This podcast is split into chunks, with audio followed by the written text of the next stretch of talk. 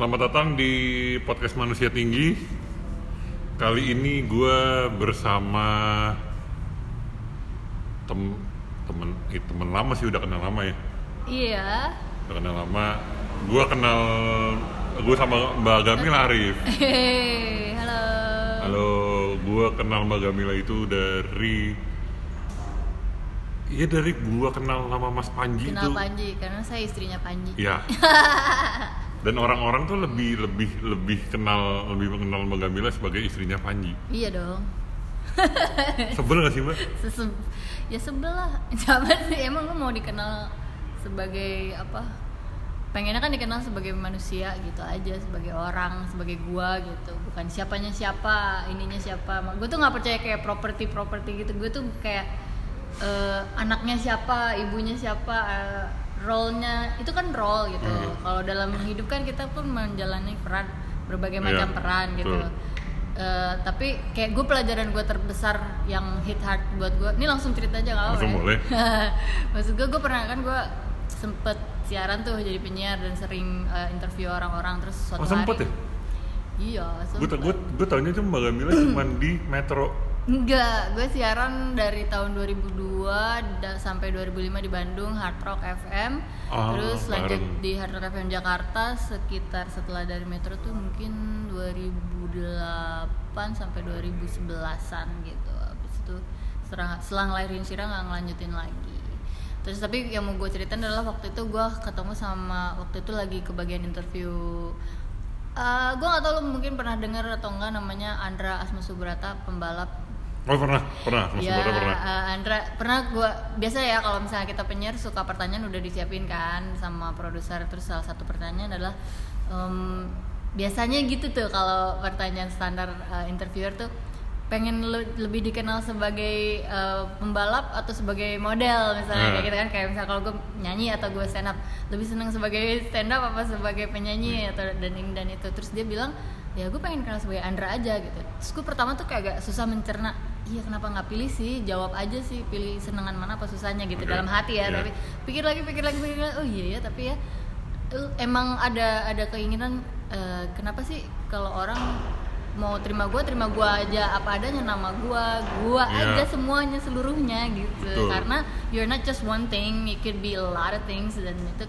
eh, kadang-kadang eh, gue sendiri masih agak apa ya berat untuk eh, bisa lebih bukan progresif tapi mungkin lebih kayak hmm, mencoba menerima sesuatu utuh apa adanya gitu se- segitunya ya ibarat kalau makan makan kayak anak gue seneng makan burger tapi nggak mau ada picklesnya dikeluarin satu-satu Oke. nah gue tuh lebih prefer kalau ya kalau burgernya udah ada picklesnya dalam ya lu makan semuanya good and the bad ya lu terima semuanya gitu tapi itu memang satu proses belajar buat gue sendiri juga masih belajar untuk mencoba menerima itu gitu. baik saya Gamil Arif sampai jumpa capek gue ngomong Agak berat ya berarti ya. iya langsung berat ya maaf ya iya gitu apa. Oke kan. Oke dikenal sebagai istri Panji dan ternyata itu menyebalkan. Enggak. Oh itu uh, salah satu bit. Jadi kan gue belakangan ini mau oh. mencoba stand up. Oh, oh iya kemarin gue nonton itu lagi. Iya, jadi gue gue excited banget lo bilang itu gue baca di tulis catatan lo pertama istri Panji gue langsung berbinar-binar gitu dalam hati gue nggak tahu apa nggak tahu lo nonton atau nggak tapi salah satu beat gue yang pertama adalah uh, Gamila itu istrinya Panji gitu. Ya. Itu keluar di komika.id kan tuh? Komika.id dalam bentuk DVD maksudnya? Iya, enggak, Hmm. digital download DVD apa pun. Hmm, kalau gue sendiri sih nggak ada masalah, cuman belum ada pembicaraan Belum sampai kayak gitu. Cuman kalau misalnya hmm, mau sih mungkin mau aja. Cuman gue nggak tahu konsekuensinya karena eh, kan gue sebetulnya udah dikomporin Panji untuk stand up udah lama banget. Iya, betul. Dia bikin dia di handphone tuh ada note khusus untuk kalau Gamila stand up ini materinya karena setiap kali gue ngomong apa aku catat itu. Aku catat itu itu itu Oh, lucu iya. banget. Itu kamu itu kamu banget. Ah, itu catat. Nanti dia tuh berharap suatu saat di masa di masa depan gue akan ambil semua materi itu dan gue jadiin bahan beat gue dan ya beberapa gue pikir udah nggak nggak seru tapi gue pikir ya eh, akhirnya gue coba juga. Kalau gue stand up kemarin tuh di perempuan berhak emang kayak challenge sendiri sendiri. Jadi gue kayak ada masalah dalam hidup gue adalah gue tuh suka kalau ditantang suka keterusan gitu. Dan gue suka Oh. menantang diri sendiri kayak misalnya waktu siaran dulu dulu gitu gue lagi kuliah hmm, perjalanan dari kosan ke kampus tuh kan dengerin radio terus dengerin penyiar kayak ada yang nggak bagus atau menurut gua nggak bagus uh, pronunciationnya terus gue pikir masa gue gitu aja nggak bisa sih gue juga bisa gitu tiba-tiba Oh. gue jadi kayak udah gue jadi penyiar tapi gue kadang-kadang nggak nggak nggak memikirkan ke depannya gitu rada cuman mikirin penting- diri sendiri yang penting gitu. tantangannya selesai aja Iya.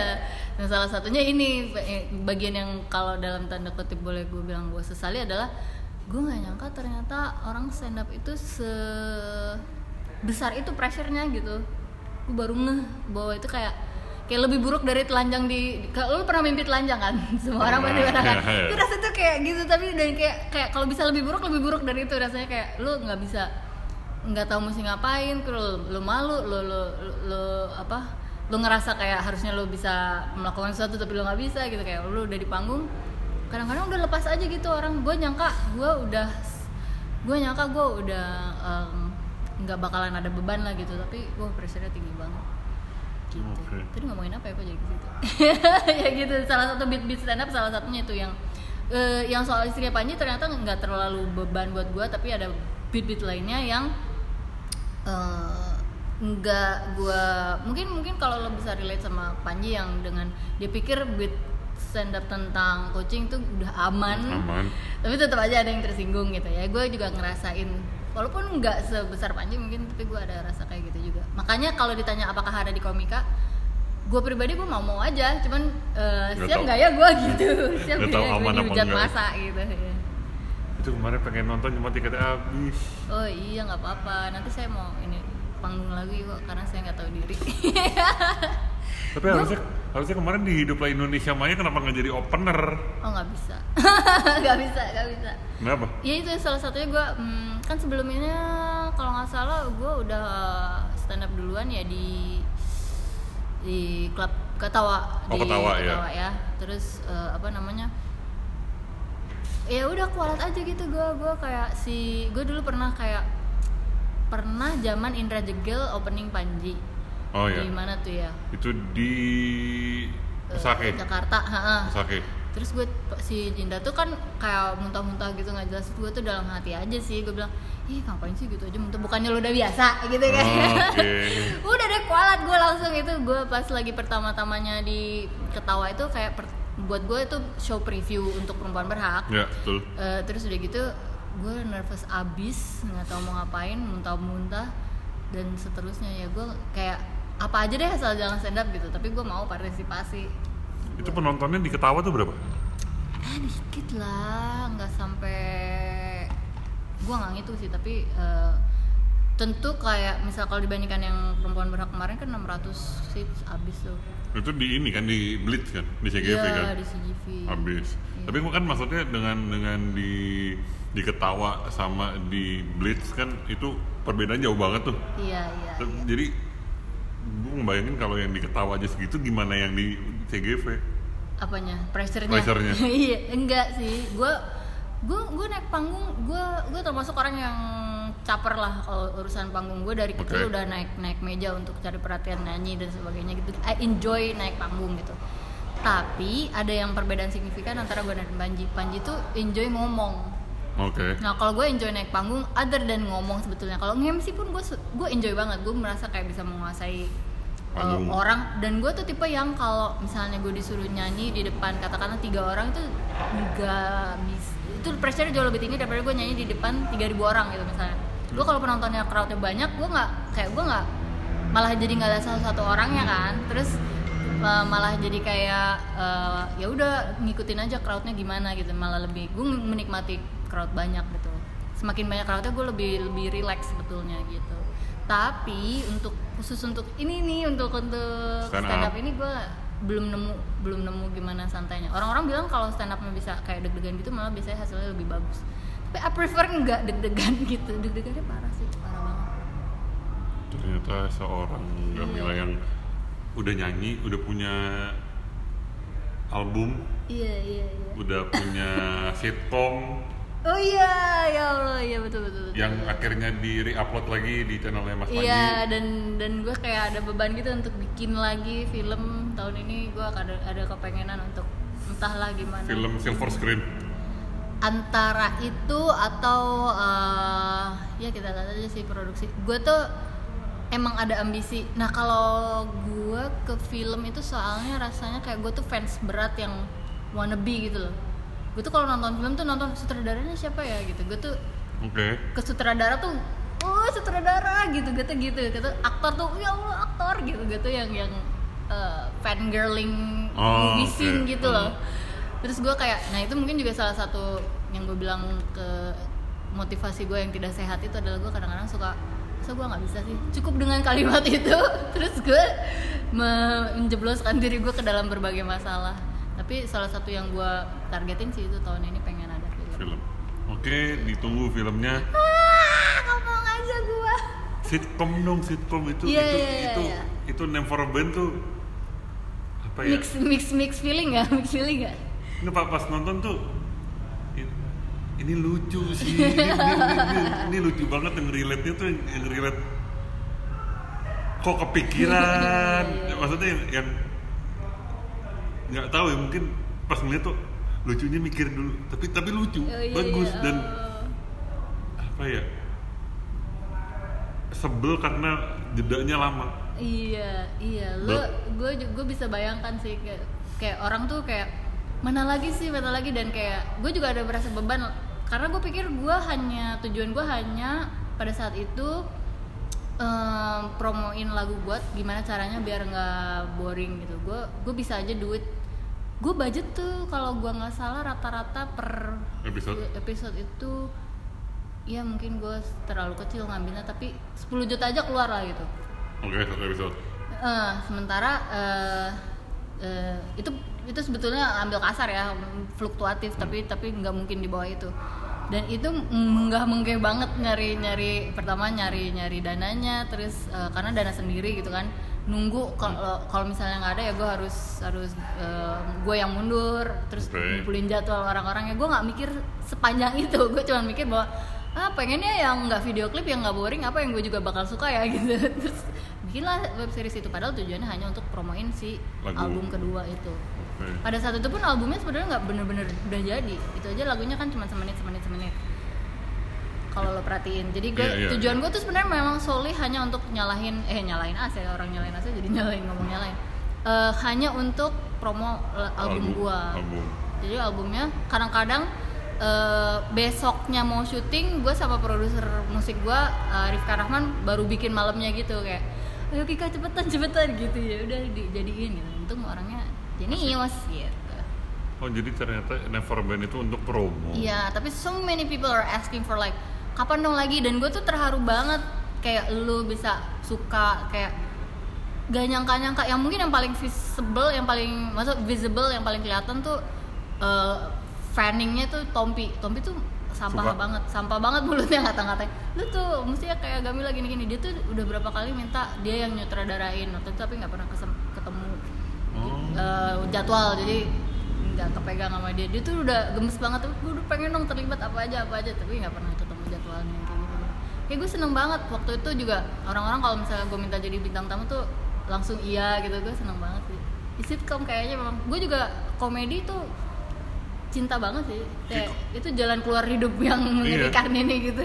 Komedi tuh ada di darahnya Panji dan Gamila gitu. Oh gitu ya ya Ini soalnya oke Mas Panji dengan dengan stand upnya Mbak Gamila dengan sitcom yang YouTube itu. Iya iya iya. dan dan dan anda berdua itu punya pasar.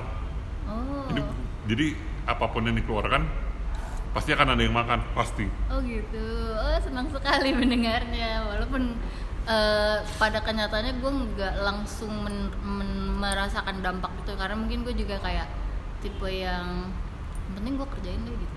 Ya itu tidak bertanggung jawab gue dalam hal itu gue main.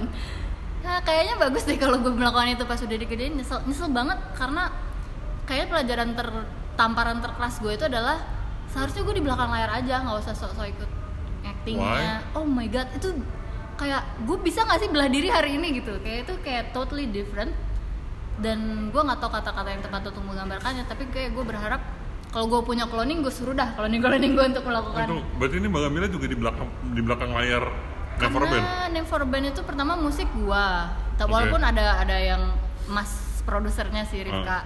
Em, musik 100% eh, karya gua. Terus em, eh, kalau kru memang ada kru tapi gua gua yang edit gua sutradara gua naskah itu yang edit acting.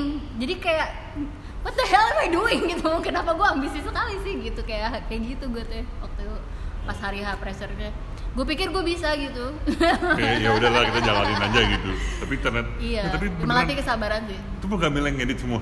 Iya, tapi akhirnya me- akhirnya memang ada editor, ada editornya. Makanya gue gue worship banget orang yang mau edit video, worship banget. Eh, ada editornya, tapi kan mereka juga ibarat bangun rumah kan nukang juga. Mereka juga nggak mau bikin kesalahan. Jadi mereka kayak selalu nanya harusnya gimana dan itu Oh, iya. tuh kalau gue tuh jadi demand dari editor itu adalah gue harus spesifik. I have to be specific. I have to be crystal clear with what Iya, I want betul. karena kalau nggak mm, mereka juga nggak mau nggak nggak nggak maju mandek aja gitu dan gue harus kayak detik ini koma detik ini harus begini harus begini harus begini. Kalau misalnya gue salah ya salah gue karena gue nggak bisa mengkomunikasikan. Hmm. gitu. Tapi I would gladly do it again dan gue juga bahagia mendengar. Bener-bener gue tuh kayak kalau ngeliat YouTube gue walaupun gue jarang buka gue gak bisa banget buka-buka YouTube. Eh, apa? Lihat komentar orang-orang tuh gue kayak punya tanggung jawab juga. Oh ya gue kayaknya harus bikin lagi. Makanya itu yang gue gue mau set 2020 gue bikinnya apa pun gitu Never Band season 3 iya itu men- itu ya itu gua ya. nungguin, gua Iya, gitu nungguin. ya. Iya, Oke, iya, iya. terus berarti kan ini al, al- bukan al, awal karir musik bukan udah lama kan? karir musik seperti gue di awal tadi bilang gue dari kecil emang pertama gue memang ke musik itu mungkin ada hubungan tersendiri gue dengan musik gitu ya Hmm, kayaknya orang tua gue deh yang bersalah akan hal ini kayaknya Oke. mereka kayak mereka fans musik. Oke. mereka nggak main alat musik mereka nggak nyanyi mereka main juga eh, asal-asalan ya lagu itu itu aja kalau misalnya main piano atau apa. Eh, so tapi mereka kayaknya fans musik gitu jadi bangga banget gitu mereka tuh dengan dengan koleksi piringan hitamnya mereka tuh kayak gue tuh nggak nggak nggak nah gue tuh bukan fans.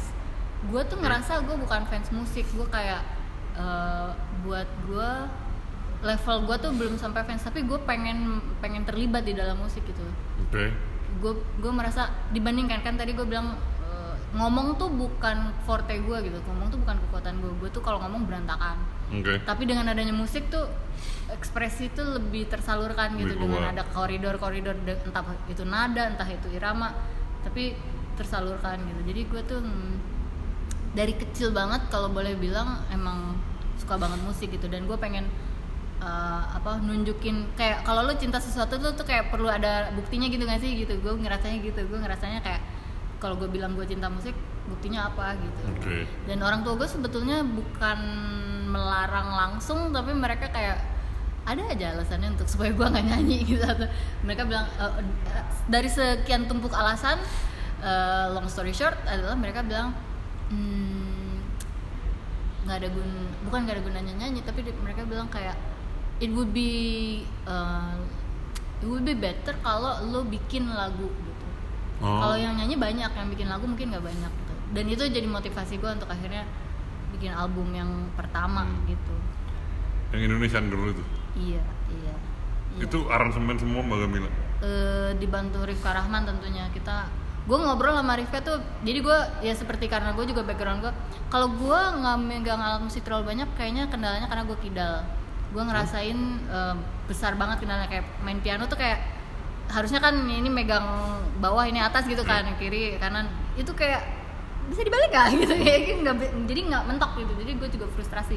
Gitar juga gue gini.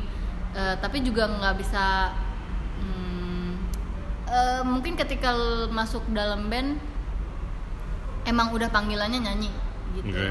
gitu. Jadi jadi emang eh, ketika mau meng- mengekspresikan tapi di kepala gue tuh aransemen ada tapi ketika mau mengekspresikan itu kadang-kadang kepentok sama keterampilan gue yang kurang nah dengan si Rifka ini gue udah kayak saling baca pikiran Oke. Iya jadi gue bukan gini, oh gini, iya gitu. Nah jadi emang kita kerjanya kayak kayak gitu.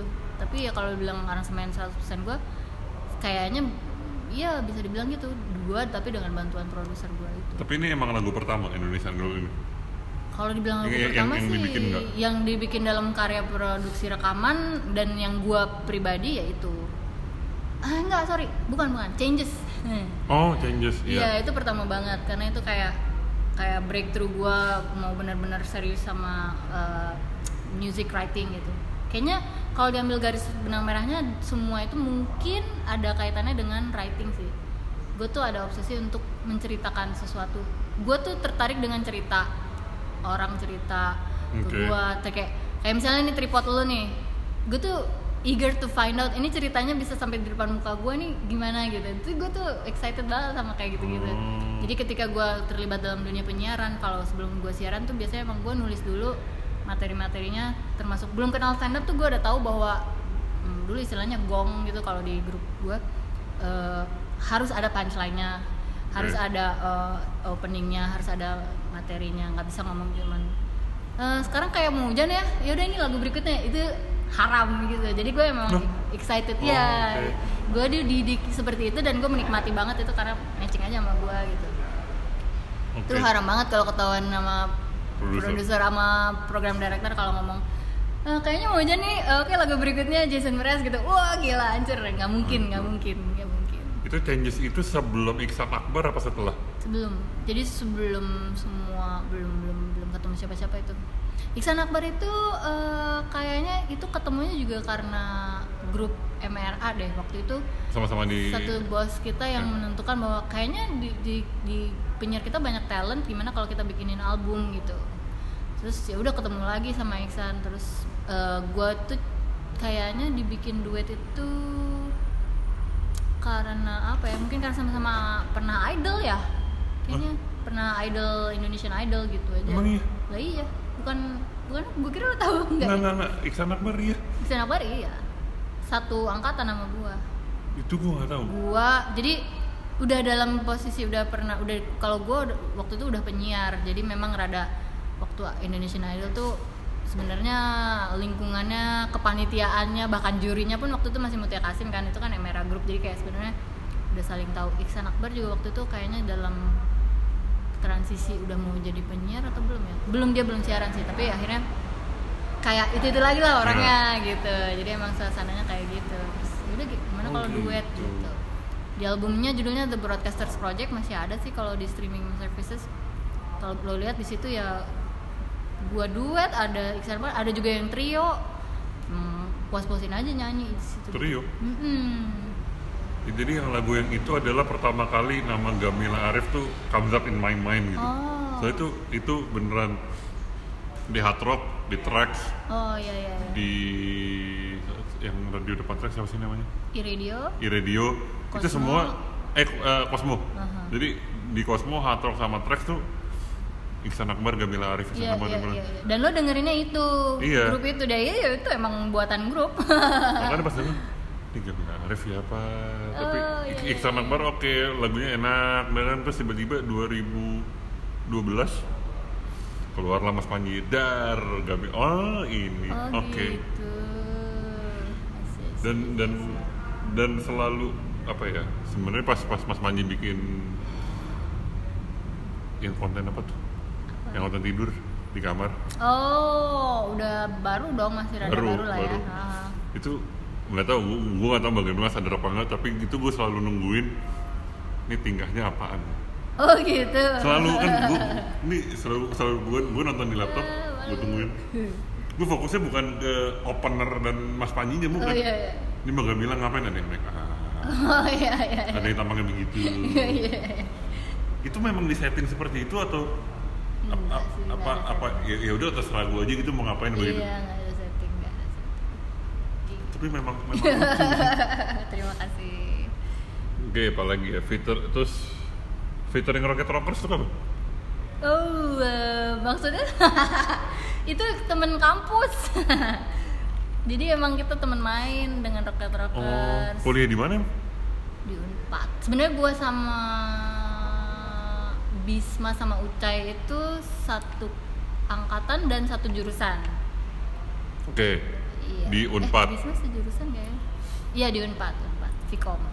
Vkom Unpad. Iya di tiga broadcasting waktu itu. Jadi gue tuh masuk eh, abis SMA di Jakarta di 68 kepengennya keluar negeri nggak boleh Oke. terus eh, ke UI gue nggak mau padahal Kenapa? eh, hmm, nggak tahu ya gue tipe yang kalau nggak ada yang salah dan nggak ada yang jelek dan bahkan bagus banget tapi nggak ini aja nggak Hmm. Ada aja. vibe gitu Hmm. nggak serak aja gitu Eh, terus coba deh yang lain gitu terus kebetulan nggak kebetulan sih emang banyak saudara juga di Bandung kan nyokap gue juga sebetulnya orang lahirnya di Bandung Eh, terus gue nyari-nyari aja deh ke, di angka di gua tuh gue gue dari keluarga tuh dekat dengan keluarga bokap. Jadi sepupu sepupu gue yang se- seumuran sebetulnya ada banyak dari keluarga bokap. Oke. nah rata-rata dari mereka juga ada kayak pengen di Bandung pengen di Bandung gitu. Terus ya udah deh kita kayak ke Barengan. Bandung gitu. Hmm. dan eh, tadinya mau Villa Merah mau ITB karena bokap gue sebenarnya produk desain. Banyak saudara-saudara gue di produk desain. Tapi terus em, kayaknya nggak masuk gara-garanya gue nggak terlalu fokus juga lebih banyak mainnya mungkin terus ya udah akhirnya kesengsem sama si broadcast si unpad itu gitu. Terus habis itu lanjut S satunya di Dago. Unpadnya yang Jatinangor Iya. dulu Dago terus ya udah.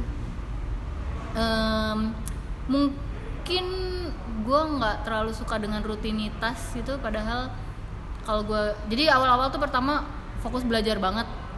Hmm, IP tinggi banget lah gitu-gitu tapi gue nggak nggak happy gitu kan. Terus ya udah jadinya begitu semester ke berapa udah mulai rada main tuh udah udah aja main aja terus main kuliah main kuliah. Terus kepikiran nah gue tuh obsesinya pengen kerja. Karena gue dikomporin sama orang tua gue nih mama dong SMP udah lapar keluaran gitu kayak ya aku juga bisa. Aja terus udah gitu kepikiran pengen kerja. Nah salah satu yang jalan keluar gue itu adalah gue ngelamar ke Hard Rock. Waktu itu baru buka di Bandung. Ya udah jadi kuliah kerja kuliah kerja tapi walaupun banyakan banyakan kerjanya kayaknya kuliahnya berantakan. Jarang jarang. Nggak berantakan sih cuman jarang jarang. Terus ya udah jadi eh, salah satunya adalah main jalan-jalan dengan anak-anak rocket rockers juga. Nggak Oh. terlalu banyak tapi kita cukup sering dan emang kayak mungkin Mila kan bisa nyanyi itu dong bantu-bantu dong. Jadi ke main di kampus lah atau eh, atau yang lu tahu apa?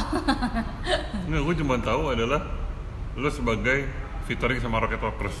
Dan dan dan banyak ya di di albumnya Mas Panji featuring Gamila ya. Oke Oh. udah lah oke. Cuman gue agak kaget. Oh nyambungnya dari mana gitu ya? Iya agak kaget. Oh ternyata sebelum si siapa?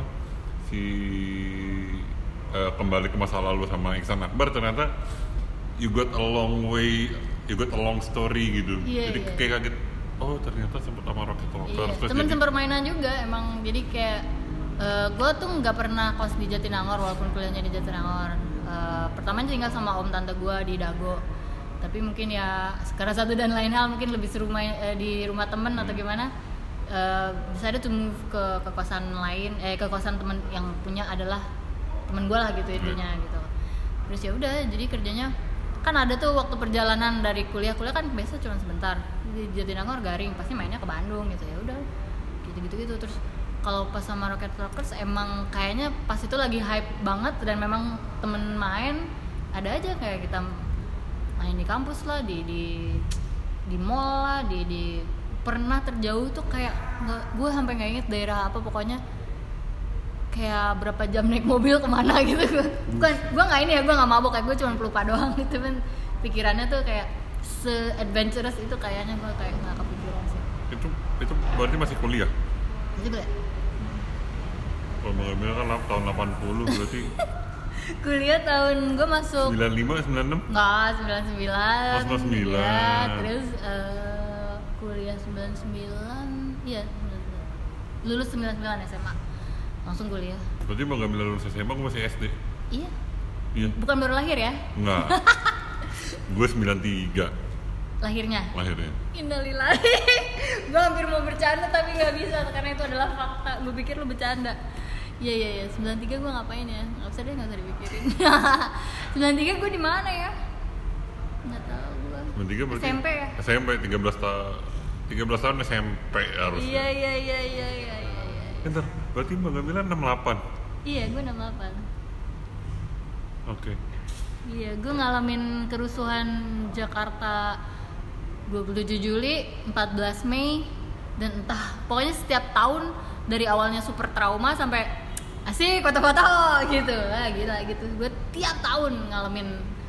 Kayak gue tuh ada di ujung sejarah gitu kayak gue tuh kayak aduh please gue nggak mau terlibat war tapi kayaknya itulah yang menjadi penanda. Gue ngerasa kayak perubahannya tuh di pojok banget gitu. Jadi gue kayak di tengah kota banget semua semua kerusuhan itu menyakitkan sekali sih tapi ya gitu. Jadi satu gue mau masuk situ cuman nggak bisa. Kenapa tuh? Nilai nggak cukup. Padahal SMP gue di belakang. 216 iya. Anjir itu isinya anak 216 semua. Gue udah langsung gue tuh outcast banget di dua di 68 karena semuanya tuh anak 216 gue gak ngerti mereka ngomong apa. Terus gue tuh kan dari kelapa gading ya. Gitu. Sama sekali nggak ngerti. Pertama sama sekali nggak ngerti dan gue kayak lo nggak tahu mau ngomong apa sama siapa gitu. Kayak bener-bener anak-anak 216 tuh megang banget. Iya memang. Dan di angkatan gue pun dari satu angkatan itu berapa ya? 400-an orang. Iya. 250 250 tuh ke 68 semua Anjrit, iya iya iya. Itu emang isinya kayak eh, 216 perjuangan. Ya. itu anak 216 semua gue bener-bener diajarin untuk humble banget itu di 68 udah gue nggak iya udah nggak nggak nggak berhak apa-apa deh gue kakak gue juga dua-duanya 68 oh gitu? Bang Amira kan 80 iya lahirnya. Lahirnya 80 kakak gue tuh 84 berarti beda 4 tahun. Gue lebih tua dari kakak lo. Iya. Dan awalnya tuh gue pikir pas gue lihat tahun 80 Soalnya seingat gue tuh Mas Panji tahun ini tuh masih 38 enggak dong.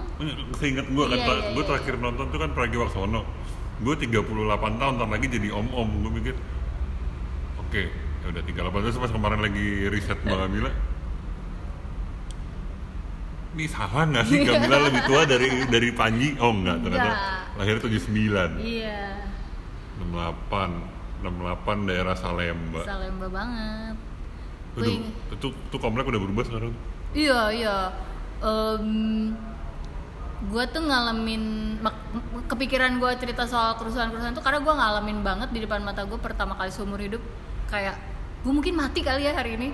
Ah serius? Iya maksud gue gue apalagi sih yang yang gue nggak tahu apa apa gue sampai eh, berharap banget ada ada hmm, keajaiban aja gitu gue nggak tahu mesti ngapain lagi karena itu diserang bener-bener orang kayak preman-preman gak jelas kelihatan eh, preman aja gitu kelihatan ini orang-orang nggak mandi gondrong dan dekil ngekelilingin itu udah bawa bawa Golok segala macam. Samurai. golok, obor apalah gitu Obor? iya jadi itu gue tuh anak cheers jijik banget ya Baru nyobain baru nyobain. Masuk kelas 1 baru Berarti- masuk. berarti ini kelas satu ya? baru masuk. Dia naik cheers itu terus cheers itu sangat tidak menyenangkan kakak-kakaknya karena super galak gitu kan. Super galak super galak. Pokoknya gue sampah sampah dah pokoknya. Tapi ketika latihan tuh semua mereka senyum dan super oh they're so adorable. Aku mau deh tetap jadi uh, adik adik kelas kalian gitu. Latihan latihan setengah tigaan gitu kan. Gue gue inget um, si kakak yang paling galak tuh lagi lagi ngelatih kita kan ya dengan senyumnya yang sangat indah itu kan terus gue tuh nggak berani ngekat dia yang lagi serius ngajarin kita ngedance Eh, tapi kayaknya udah kayaknya kalau gue nggak ngomong bahaya gitu hanya hanya hanya sekedar feeling di belakang si kakak itu jadi lu tau kan kalau 68 di depannya ada menza kan ada gedung Iya. serbaguna kan di pojokan dekat menza itu Dan pintu keluar. Eh, eh, kan udah deket-deket pintu keluar itu eh, kita latihannya di situ di pojokan situ Oke. Di eh, di belakangnya kakak si eh, si kakak. Gue nggak sebut namanya ada ya. Di belakangnya si kakak itu udah ada asap hitam banyak dan gue gue pikir tadi kok burung ya kok suara burung wah wah wah gitu. Rupanya tuh orang teriak wah, gitu kan. Terus kakak itu di belakang ada asap. Gue cuman cuman sempet berani ngomong gitu. Gue takut kakaknya. Gue takut beneran sama apa yang terjadi di luar. Rusuh dari situ sampai gue jam 9 malam setengah 10 malam baru bisa keluar. Itu juga karena gue beruntung banget ada anak paling kaya di kelas juga terkurung di situ nebeng sama dia gitu dijagain sama tapi itu setelah sudah reda sekali ya sebelumnya udah wow everybody everything and everything gue lihat bis putar balik zaman dulu mah belum ada itu pembatas Busway. jalan Belum, belum. pembatas jalan busway udah pasti nggak ada pembatas jalan tuh kayak cuman pagar pendek kecil yang bisa ditabrak sama busnya bus-bus bus tuh pada muter balik muter balik muter balik menghindari RSCM kan di pojokan depan situ RSCM di Oh. situ tuh puncaknya tuh kayak ada rombongan orang masuk ke sini gitu masuk dari RSCM ke ke arah Matraman gitu Iya. dan itu yang kena sekolah gua sekolah Kamila itu sampai ke SD SD itu lari-larian udah Jadi sampai ke pojok belakang talang gitu kena semua. sampai ke situ dan kita yang yang anak-anak ini memang sama untung banget hari itu kepala sekolah kepala sekolah udah pulang. Wakil kepala sekolah tinggal satu yang dan yang paling galak yang paling paling gagal lah alpha male gitu. Dia yang masuk semua masuk semua masuk. Dikunci ditahan di satpam juga cuman tinggal berapa gitu cuman dua orang. Biasanya rada banyak. Nggak ngerti deh itu. Terus gue mau menyaksikan itu gedung yang departemen pertanian Oh, iya? terbakar. Terus gue bisa kayak oh gini tuh bunyinya AC kalau meledak. Jadi lantai satu kebakar AC-nya meledak. Dar dar dar, dar. lantai dua lantai tiga terus total blackout kan. Jadi Iya. kita nggak ada listrik sama sekali. Itu kan eh, siapa pun yang survive kita saling saling menjaga lah gitu. Terus ada gue sama temen yang akhirnya gue tahu dia namanya Endah. Gue ngeliat mukanya juga "Ih, mukanya kayak gimana sih? Saking gelapnya. Terus cahaya tuh hanya dari bakar-bakar api Iya. gedung sebelah gitu. Lucu sih.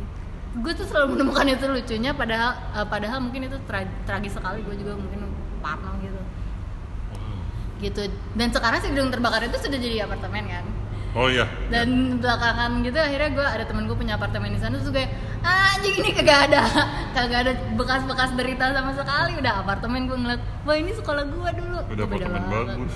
iya beda banget Oke. Oh tidak berasa sudah setengah jam. oh ya maaf ya Nggak nggak apa-apa, okay. Malah bagus. Oke, last question. Ini gua ngambil dari Pragiwaksono Jakarta. apa tuh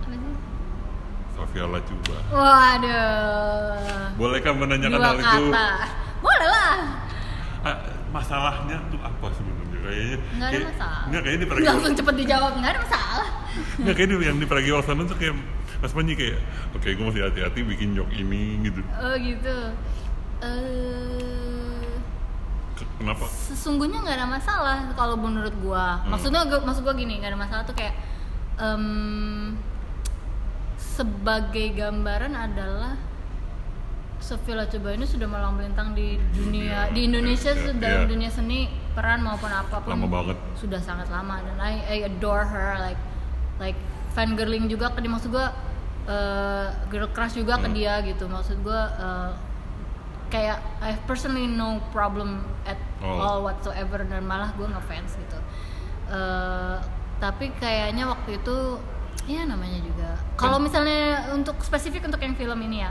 Iya. film film apa pun Partikelir. bukan Eh, partikelir Komik eh, komik itu. ya? komik 8 komik Komik 8 nah komik itu tuh gue kayak ngerasanya eh apa namanya awalnya malah gue yang oh ya lakukan aja itu kan pekerjaan sosok kayak gue pikir kayak ya orang di di Hollywood juga melakukan itu setiap hari. Ada kayak gitu kayak gue I'm cool I'm the cool girl I'm the cool wife gitu.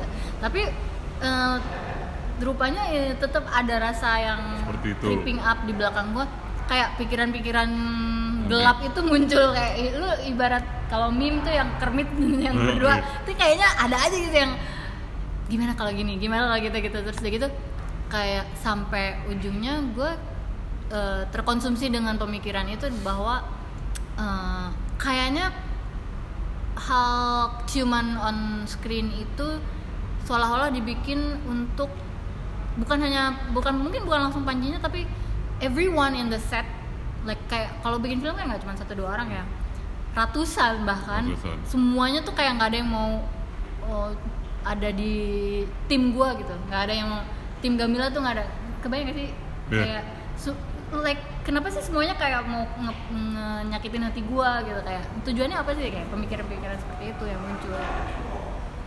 Gitu. Soalnya toh eh, Dian s- s- eh, scene itu tidak juga jadi sesuatu yang bahkan ada di beberapa tempat disensor gitu. Oh iya. Say, it's pointless gitu. Terus is this a prank gitu? Is this a joke? Is this- terus gue kayak kenapa sih kenapa gua kenapa gua kenapa gua gitu? Kayak semuanya nggak ada satupun yang trying to like um, mencoba baik-baikin gua gitu nggak ada kayak ya udah terima aja gitu deh kayak pemikiran gue tuh ke situ jadi kayak I have bad thoughts so so hard like it hurt myself gitu dan itu mungkin tertranslasi juga jadinya eh, jadi kayak ya jealous aja gitu gimana sih kalau orang jealous gitu Dan kayaknya gue paham kenapa nama Twitternya jadi Queen. oh kenapa Gara-gara itu bukan? bukan Queen tuh kenapa? Eh, itu em, joke gua aja. Gua joking em, apa ya? Gua tuh terobsesi sama em, implikasi. Jadi what, what do you imply when you say something? Kayak em, when I say Queen Mila what I'm trying to say is my husband is King Panji. Gitu Like, Oh. eh, itu mungkin twisted joke yang yang gue pikir gue pikir itu lucu gitu gitu aja. Ya lucu-lucuan aja because eh, sebetulnya pe- pemikirannya ke sana. Lo nggak tahu ken- kenapa gue pengen suami gue jadi king panji tapi mungkin itu eh, lucu-lucuan dari gue aja sih. Well, he's the king of stand up. ya gitu. Iya, maksudnya ya ya waj ya kalau kalau kalau dalam pemikiran seperti itu wajar karena it's a joke it's a joke actually I don't take it seriously ever I never take anything seriously enggak tapi ya kenyataan kalau kalau tadi memang implikasinya seperti itu Mas Panji itu udah kayak Roma Irama King of stand up. Iya iya iya. iya. Wah terima kasih. tapi beneran kayak gue rela baik gue gak tahu harga Komono di Monoy berapa Iya iya. Tapi dengan yang kemarin Pragiwaksono paling mahal satu setengah juta gue rela iya satu setengah juta Panji oke udah lo mau berapa empat lima Iya, udah gue iya, beli iya. ini karena karena gue tahu gue kan ngikutin Mas Panji itu dari komedi cafe Sun satu. Oke oke. Sun satu tuh gue ngikutin mulai dari beat dia yang dia protes kenapa masjid minta-minta di tengah jalan.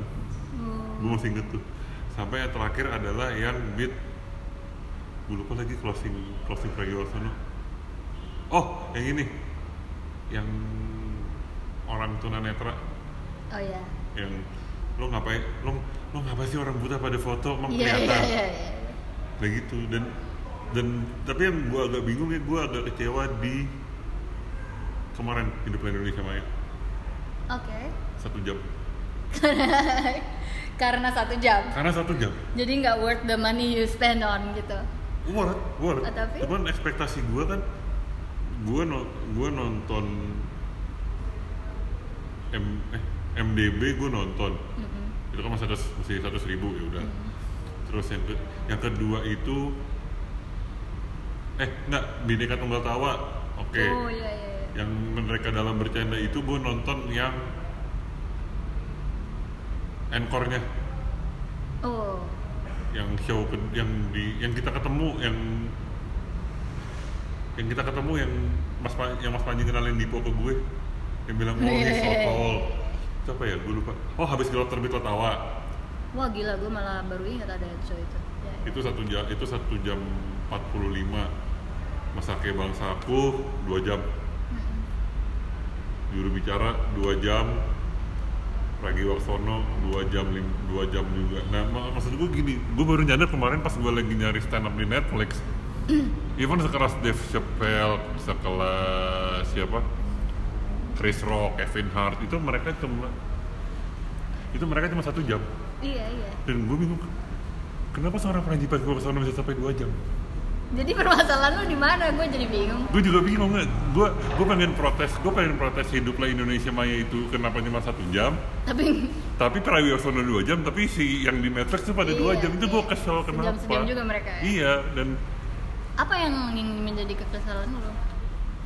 kenapa dua jam jadi jadi ekspektasi gue terus bertambah terus bertambah terus Oh. bertambah gitu loh Mas Panji memberikan gue ekspektasi yang, yang seperti itu Padahal sebenarnya dikasih satu jam juga nggak protes.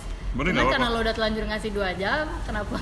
iya di di Gitu, di, bingung. di Mesake To tell you the truth though, maaf maaf kalau potong ya. Maksud gue, eh, jadi gue kan di sana nggak hadir. Gue hanya Di ketika mana? VO, ketika gue di Hiduplah Indonesia Maya. Oh, live? Gue VO, gue live, gue Oh. live. Tapi gue eh, anak-anak gue tinggal. Jadi gue tuh langsung buru-buru lari ke kamar, kamar hotel dekat situ kan ada hotelnya kan di Raffles Hotel apa itu Iya. lah.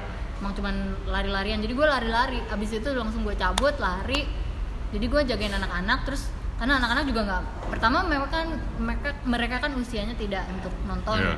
jadi memang dikondisikan untuk eh, mereka dikasih pilihan mau nunggu di backstage atau yang mana Di backstage-nya kan sebenarnya luas banget atau mau di kamar dan itu mereka memilih kenyamanan di kamar ya udah gue nungguin anak-anak di kamar gue pikir-pikir setengah sepuluh ah gue bawa anak-anak untuk eh, kalau udah mendekati mungkin mereka nggak terlalu rewel gitu.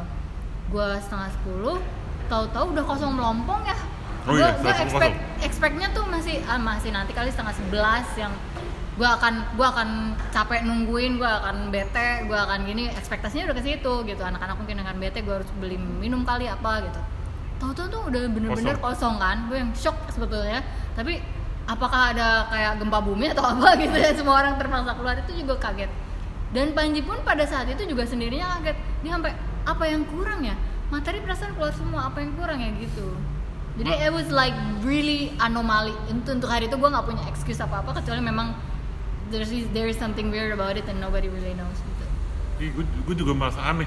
Karena kan di habis gelap terbitlah tawa di pra- di juru bicara di Pragi Waksono iya itu sebelum masuk itu gue masih ketemu Awe masih ketemu Iya, Bari masih iya. ketemu Hyuzi dan anak-anak semua kan kemarin tuh gue datang show jam 7 gue datang jam 6 tuh blank ini anak-anak mana Iya, iya. kayak ini kayak bukan show-nya Mas Panji deh Yap, to tell you the truth itu sih nggak bisa. Kita juga nggak punya penjelasan. Gue pribadi juga nggak punya penjelasan.